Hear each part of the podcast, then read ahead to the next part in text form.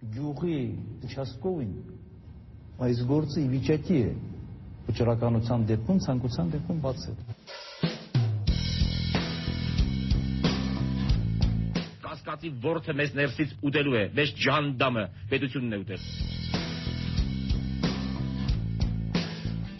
Ձեզ այնքան կծեծ են դալաններում, որ դուք կարտագաղթեք։ Իա, գիտու՞։ Ուղիղ 18 տարի առաջ 2002 թվականի ամռանը Անդրանիկ Մարգարյանի կառավարության թիվ 1151 որոշմամբ Երևանի կենտրոնի մի զգալի հատվածը ընդհանուր առմամբ շուրջ 345 հազար քառակուսի մետր հրճակվեց պետական կարիքների համար օտարվող գոտի։ Կառավարության այս որոշումը, որն ի դեպ տարիներ անց անօրինական կճանաչվի անգամ Գագիկ Հարությունյանի ղեկավարած Սահմանադրական դատարանի կողմից, անդառնալի հետք թողեց հազարավոր երևանյան ընտանիքների ճակատագրերի եւ մայրաքաղաքի արտաքին տեսքի վրա։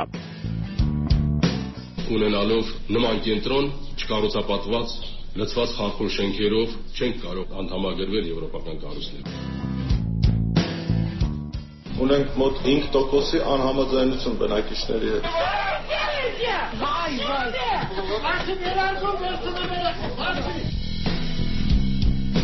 Կարծում եմ ներողամիտ պետք է լինեն նաև մարդիկ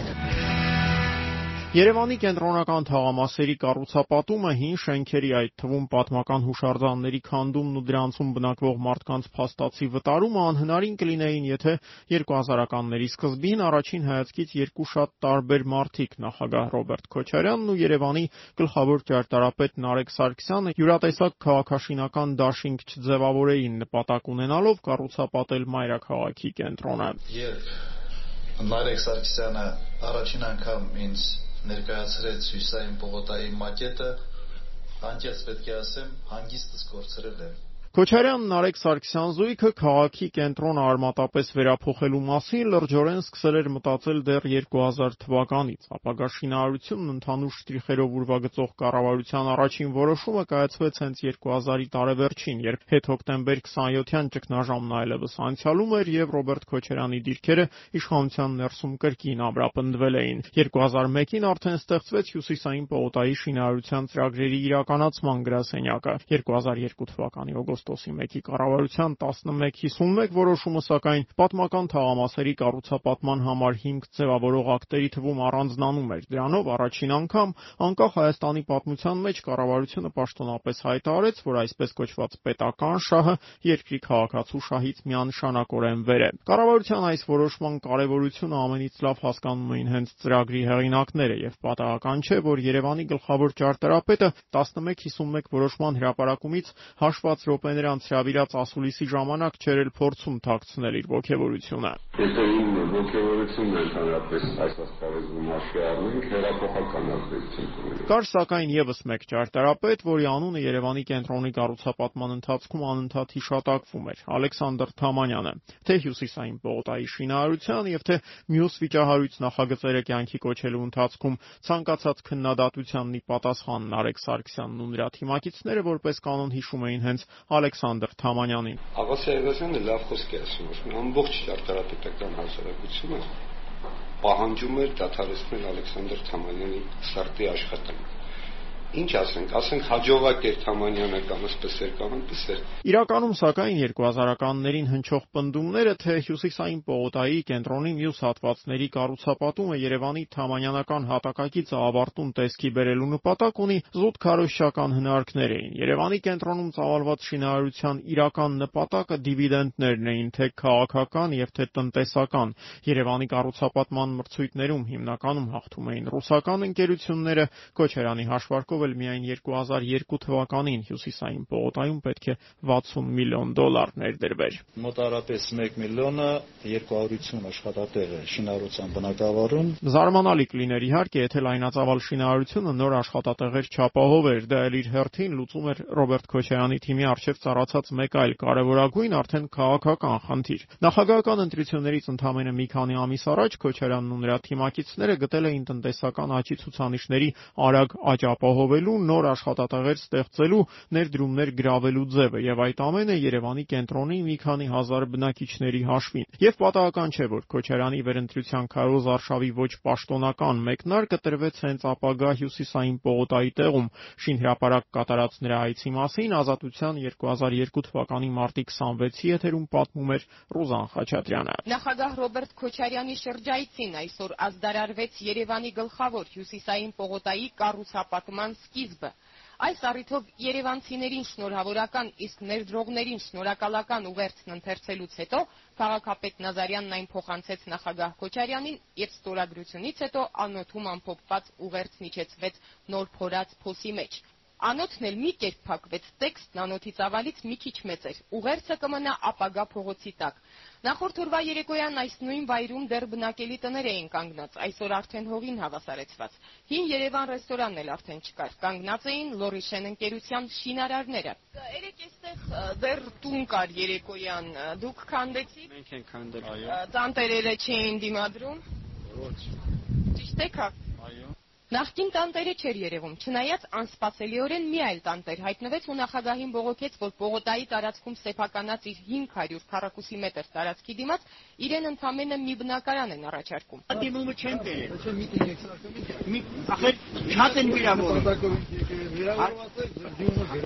Առաջիկա տարիներին Քոչարյանը բազմիցս դեռ կայցելի շինարարության վայր, սակայն ունեզրկված որևէ բնակչի այլևս չի կոպտի։ Թիկնապահներն այսուհետ նախապես զտելու են տարածքն ազատելով Քոչարյանին դժգոհ բնակիչների հետ շփվելու ծանր բեռից։ Ընդհանրապես Հյուսիսային պողոտա կատարած հենց առաջին այցի ժամանակ էր, որ Ռոբերտ Քոչարյանն անկեղծորեն խոստովանեց, որ մայրաքաղաքի այդ հատվածը իրեն առանձնապես դուր չի եկել։ Իդեպ, այսօրվա շրջայցն սկսվել էր ազգային պատկերասրահի տանիքից հետաքրքիր տեսարաններ, չէ՞։ Փողոցներով քայլելուց, երևի կամ մեքենայով գնալուց չես պատկերացնում, որ այդ կենտրոնական մայթից 20-30 մետր այն կողմ ինչպիսի իրավիճակ է տիրում։ Իսկ երբ արդեն նախագահ չի լինի պարոն Քոչարյանը, քաղաքի կենտրոնում կնախընտրի ապրել, թե Վահագնի թաղամասում։ Այս այդքանը կենտրոնում ապրել չեմ սիրում, ավելի կնախընտրեի մի քիչ չեմ մտածել երբեք Միգուցե նաև այդ պատճառով ոչ հողամաս են վերցրել, ոչ տուն են կառուցել, ոչ էլ ոչ էլ ունեն։ Իսկ այն մարդիկ, որոնք ցանկանային հետագայում եւս ապրել Երևանի կենտրոնում, անշեղորեն դուրս էին մղվում այստեղից։ 2000-ականների կեսերին կենտրոնական այս թաղամասերի բնակիչներին օր առաջ իրենց տներից վտարելու, նրանցից համաձայնություն կորզելու հարցում իշխանությունները պատրաստ էին խախտել գրեթե բոլոր կանոնները, գրված եւ չգրված։ Մեզի ստորագրել տվին, գիտես ոնց են, ասում տղեկ բանակում, հա վաղը չի գա։ Գնաց ծորակի, աղջիկ ունես, չէ՞։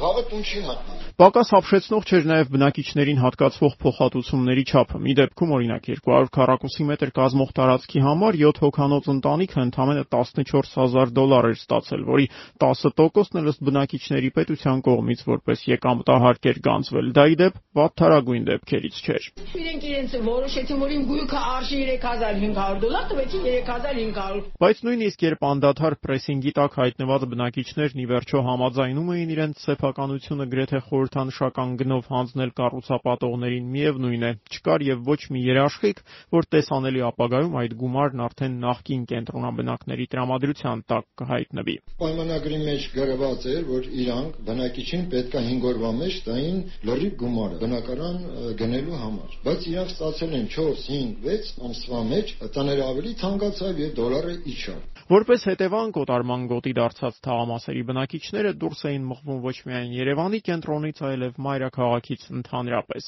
Իգի պետը դարձան կարեն է։ Ասում է թող գնանք գյուղերում, այնտեղ շատ տներ կա։ Դուստե ծնվես, մեծանաս, գնա, ասում է սովետ աշենային վերևները տուն կա, բնակարան։ Գնացեք, արա 10000-ով առնեք։ Այս խորհուրդների հեղինակը Հյուսիսային Պողոտայի կառուցապատման ծրագրերն իրականացնող գրասենյակի ղեկավար Կարեն Դավթյանն ի դեպ նկարագրվող իրադարձություններից ամիսներ անց պաշտոնի բարձրացում կստանա, դառնալով Երևանի փոխքաղաքապետ։ Ծիգի ղեկավարի պաշտոնում Դավթյանն ակտիվորեն շփվում էր լրագրողների հետ, հիմնականում նույն միտքը զարգացնելով։ Հյուսիսային պողոտայի կառուցապատողներն ու քաղաքային իշխանությունները գործում են բացառապես օրենքի շրջանակներում, իսկ քանդվող թաղամասերի բնակիչների ճնշող մեծամասնությունը շատ ուրախ է, որ վերջապես կարող է լքել Դավթյանի բնորոշմամբ խարխուլ եւ անբարեկարգ տները։ Հյուսիսային պողոտայում, 7 գլխավոր պողոտայում մենք ունենք մոտ 5%-ի անհամաձայնություն բնակիչների հետ։ Քանի որ անհամաձայնության դեպքերը Կարեն Դավթյանի խոսքերով 5% են կազմել, նշանակում է կարելի է համոզված ասել, որ իրենք գոհ են իրենց աշխատանքից։ Մնացածը կառուցապատման ծրագրի տնօրենի կարծիքով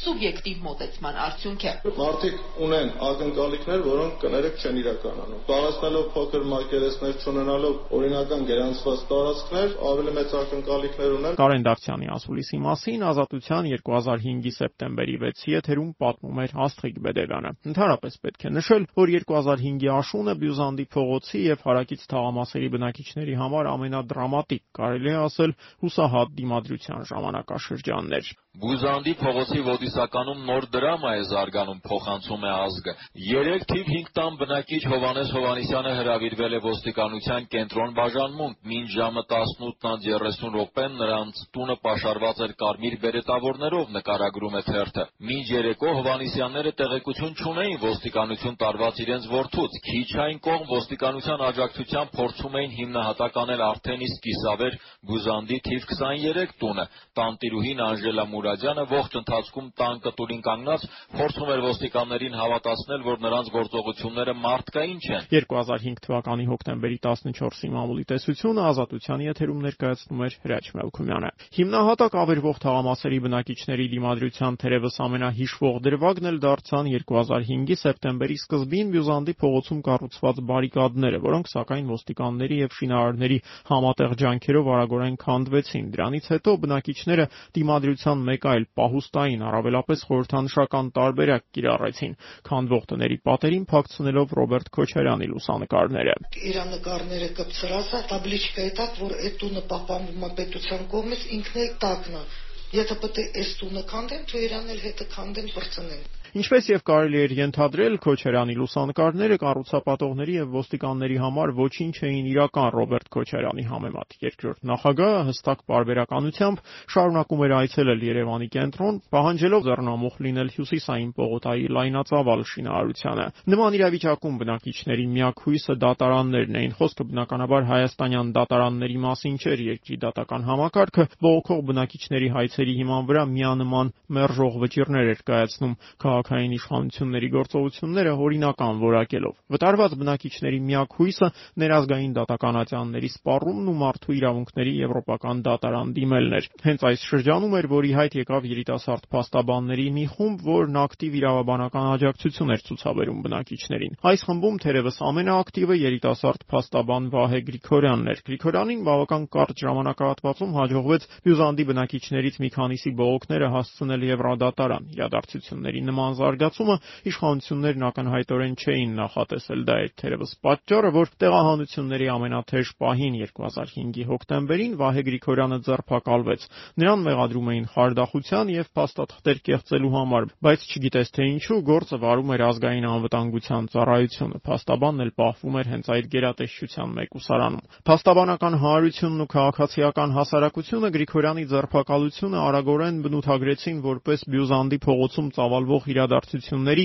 յուրատեսակ ճյուղավորում երիտասարդ իրավաբանին քաղբանտարկյալ հրճակելով։ Վահե Գրիգորյանը բանտում անցկացրեց ավելի քան 4 ամիս, մինչև 2006 թվականի փետրվարի կեսերը։ Այս ընթացքում Գրիգորյանի հաճախորդների իրավունքների ոտնահարումը շարունակվում էր Բյուզանդի փողոցից նորանոր ընտանիքներ էին վտարվում, որոնց սակայն մեկուսարանում գտնվող փաստաբանը որևէ իրավաբանական օգնություն ցուցաբերել չէր կարող։ Էական է հեռահաղորդակցության իրավունքի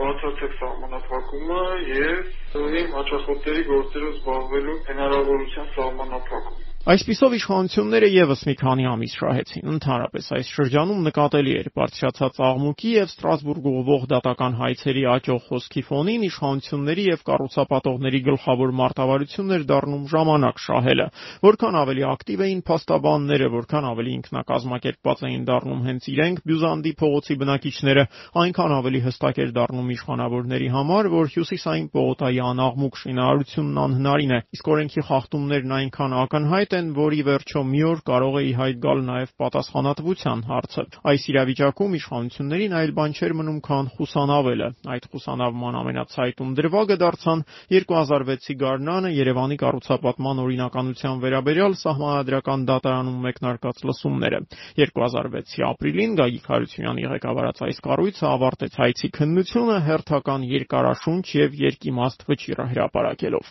Սույն որոշմանների սահմանադրությանը չհամապատասխանող ճանաչված իրավական նորմերի ուժը կորցնելու վերջնական ժամկետ սահմանել օրենքի հիման վրա նման իրավական ռեժիմի ուժը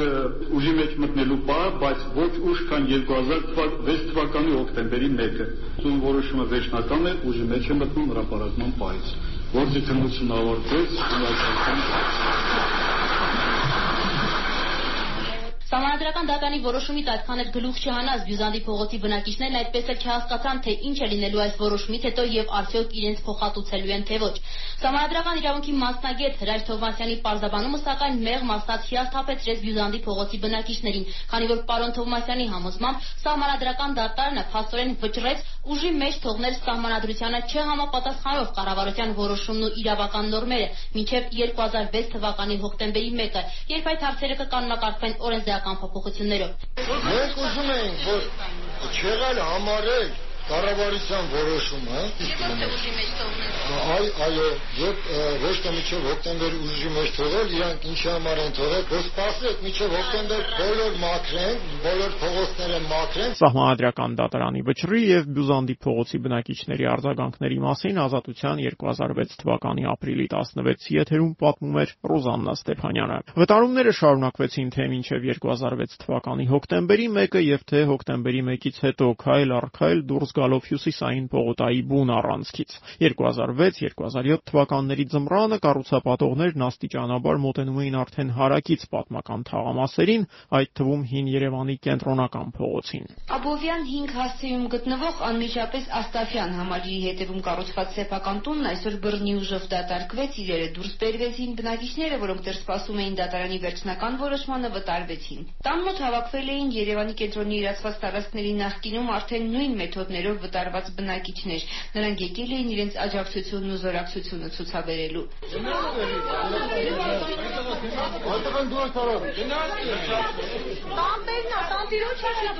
Տանտեր Սամվել Ղարիբյանը սակայն դիմել է դատարան եւ գործը դեռ վճռաբեկ դատարանում է, վերջնական վճիռ կայացված չէ։ Հարկադիր կատարման ծառայությունը որպես հիմք իր գործողությունների համար վերել էր վերաքննիչ դատարանի վտարման վճիռը։ Երկու տասնյակից ավելի հարկադիր կատարողներ ներսում կապում էին իրերը։ Տանտիրուհի Աղջիկին ներսում էր, թույլ չէին տալիս դուրս գալ, տանտիրոջը թույլ չէին տալիս ներս մտնել։ Շենքի մոտ բերվել էին կարմիր բերետավորների եւ հասարակական կարգի պահպանության ջոկատներ։ Տնից առանց վերարկուի տնային հողաթափերով բռնությամբ դուրս արեցին տանտիրոջ աղջկան։ Տեսարանն իհարկե թույլ նյարդերով մարդկանց համար չէր։ Vai,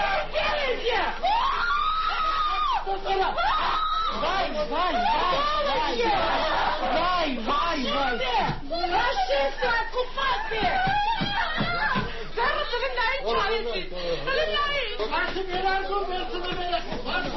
8 սենյականոց այդ տան դիմաց տանտերերին առաջարկել են ընդամենը 23 հազար դոլար, որից վերջիններս հրաժարվել են։ Տունը գտնվում է Մոսկվա կինոթատրոնի դիմաց, իսկ այդ գումարով նույնիսկ ծայրամասում այսօր հնարավոր չէ գնել 1 սենյականոց բնակարան։ Մարդիկ համաձայն էին վաճառել տունը, բայց գոնե 3 սենյականոց բնակարանի գնով, քանի որ տանն ապրում է 9 մարդ։ ԴՀԿ ծառայության աշխատակիցները թույլ չտվեցին ներս մտնել մարդու իրավունքների պաշտպանի գրասենյակի աշխատակցին։ Ներս չէին թողնում նաև ազգային ժողովի պատգամավոր ՀՇԿ-ական նախարարական Վարդան Մկրտչյանին։ Վարդան Մկրտչյանին հաջողվեց գնալ հանդիպել արդարադատության նախարարի հետ, ապա վերադարձավ ու համաձայնություն ձեռք բերեց ԴՀԿ ծառայության աշխատակիցների հետ, թե պետք է սպասել, որ մարդիկ իրենց հնարավորություններով տեղ գտնեն ապրելու, դուրս բերեն իրենց իրերը, մի խոսքով խոստացան հետաձգել վտարումը։ Բայց մի քանի րոպե անց, երբ հավաքվածները հեռացան, տարածքը ազատվեց վրդովված բողոքավորներից, պարզվեց, որ համաձայնությունը կեղծ էր։ Անմիջապես սկսեցին տունը դատարկել եւ մենակ մնացած տանտերերն այլևս ի վիճակի չէին որևէ կերպ պայքարելու։ Հիմա արդեն նրանք մտածում էին գոնե իրենց գույքին տեր կանգնելու մասին ինչ որտեղ տեղավորեք, թե չէ որ տանում են իրանց մոտ, ասում են տուկանքներով այդ տեղած գումարները տանում են վերջինները պայելու համար։ Երևանի կենտրոնում իրականացված հերթական վտարման մասին 2007 թվականի մարտի 1-ի ազատության եթերում պատմում էր Շաքե Աղոյանը։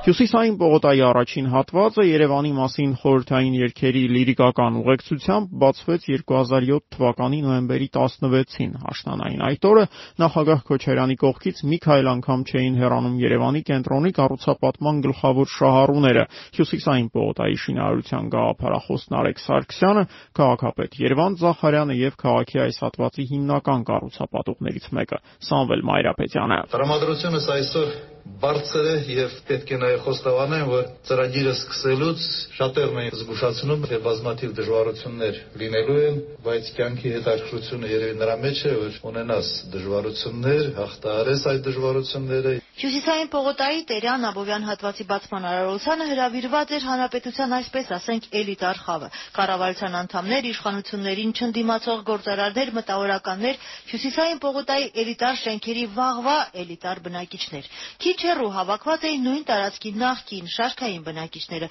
ովքեր պաստառներով փորձում էին իրենց դժգոհությունը հայտնել նախագահին։ Պուշկինի 12 շենքում ապրող Ալվարդ Ավակյանին, որ փորձեց Ռոբերտ Քոչարյանին իր բողոքը հայտնել, անմիջապես մի քանի ոստիկան եւ անվտանգության աշխատակից շրջապատեցին ու հեռացրին։ Ես գիտեմ տեսնել, ոչ մի դեպ հնարավոր չէ, ես գիտեմ թե ոնց անում։ Ես ոչ, դժվար է։ Առաջարկեք Ռոբերտ Քոչարյանի խոսքով իրացման ընթացքում եթե սխալներ են թույլ տվել, ապա գուցե անփորձությունից էր։ Կարծում եմ ներողամիտ պետք է լինեն նաև մարդիկ, որոնք համարում են, որ բավարար չափի չեն ստացել այսպես փոխհատուցում,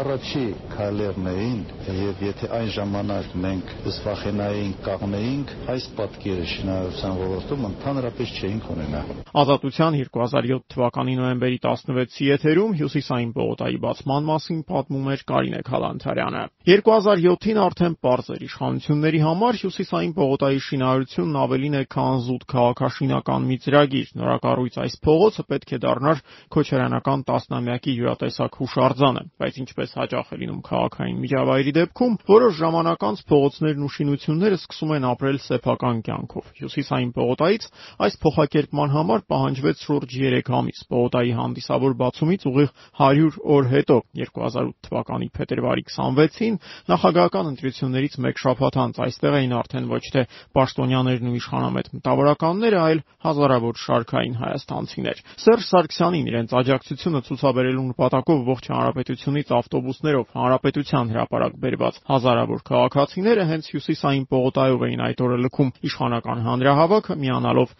ընդդիմության ցույցին։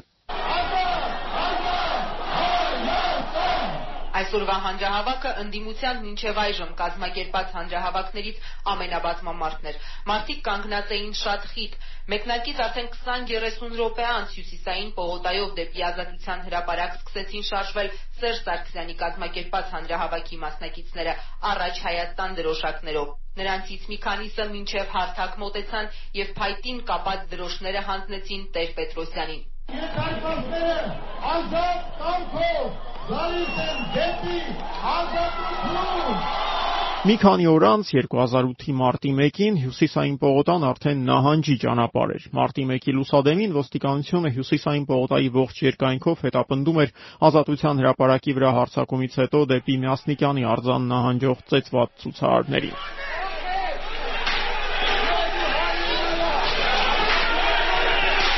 Մարտի 1-ից շաբաթներ անց էլ, երբ արտակարգ դրության ռեժիմն արդեն ավարտվել էր, բայց Ազատության հրապարակը շարունակում էր ոստիկանական շրջափակման մեջ մնալ, Հյուսիսային պողոտան էր, որ դարձավ ընդդիմության գլխավոր հավաքատեղին։ 2008-ի գարնանն այստեղ կազմակերպվող քաղաքական զբոսանքների մասնակիցներին ոստիկանությունը գրեթե ամեն օր բերման էր ենթարկում, երբեմն տասնյակներով։ 2008 թվականի մարտի 27-ին Հյուսիսային պողոտայից բերման ենթարկվեց նաև գրող հրապարակախոս Տիգրան Պասկևիչյանը։ Ճակատագրի բերմամբ հենց Պասկևիչյանը կդառնա Երևանի կենտրոնի բնակիչների վտարումների, նրանց ունեզրկման մասին պատմող «Օտարում. Նոր Երևանի պերճանքն ու թշվառությունը» ֆիլմի հեղինակը։ Ֆիլմ, որ այդպես էլ չի հայտնվի որևէ հայաստանյան հեռուստաընկերության եթերում եւ որևէ երևանյան կինոթատրոնի էկրանին։ Եվ այն պահին, երբ թվում էր, թե Երևանի կենտրոնի ունեզրկված բնակիչներն ու նրանց կրած զրկանքները երկրի ներսում գրեթե մոռացության են մատնվել, Մարդու իրավունքների եվրոպական դատարանը մեկը մյուսի հետևից սկսեց քննել եւ բավարարել Հյուզանդի փողոցի բնակիչների դիմումները։ Առաջին վճիռը կայացվեց 2011-ի ամռանը։ Եվրոդատարանի կողմից սահմանվող անխտիր բոլոր փոխհատուցումները, որոնց չափն ի դեպ կարող էր շատ տարբեր լինել, 12000-ից մինչև 1 միլիոն 600 հազար եվրո, վճարում էր Հայաստանի պետական բյուջեն, շարքային հարկատուն։ Բնակարաններից զրկված երևանցիներն արձանագրում էին. Հյուսիսային պողոտայի շինարարությունը նախաձեռնած պաշտոնյաների, գերշահույթ ստացած կառուցապատողների կամ նրանց գործողությունները հիմնավորած դատավորների վրա այդ վճիռները որևէ ազդեցություն այդպես էլ չունեցան։ Յուրաքանչյուր կառուցապատողին մոտորապես 20-ից մինչև 30 հազար դոլար մաքուր եկամուտ է բերել 1 քառակուսի մետրը։ Հանուն Հայաստանի Հանրապետության հանեցին գցեցին փողոց պետական կարիքների համար։ Գրեիք Ռոբերտ Քոչարյանի կարիքների համար էլ է։ Դուք հասկանում եք նա հիմի բազմաթիվ տներ ունի, իսկ իմ երեխաները չունեցան մանկություն։ Գյուղի Չասկովին այս գործը ի վիճակի է վճռականության դեպքում ցանկության դեպքում բացել։ Կյանքը ցույց կտա, թե ով ինչ է արել Արցախի համար եւ ով է իրականում ծախում այն։ Նորագույն պատմություն։ Երրորդ հանրապետությունն ազատության աչքերով։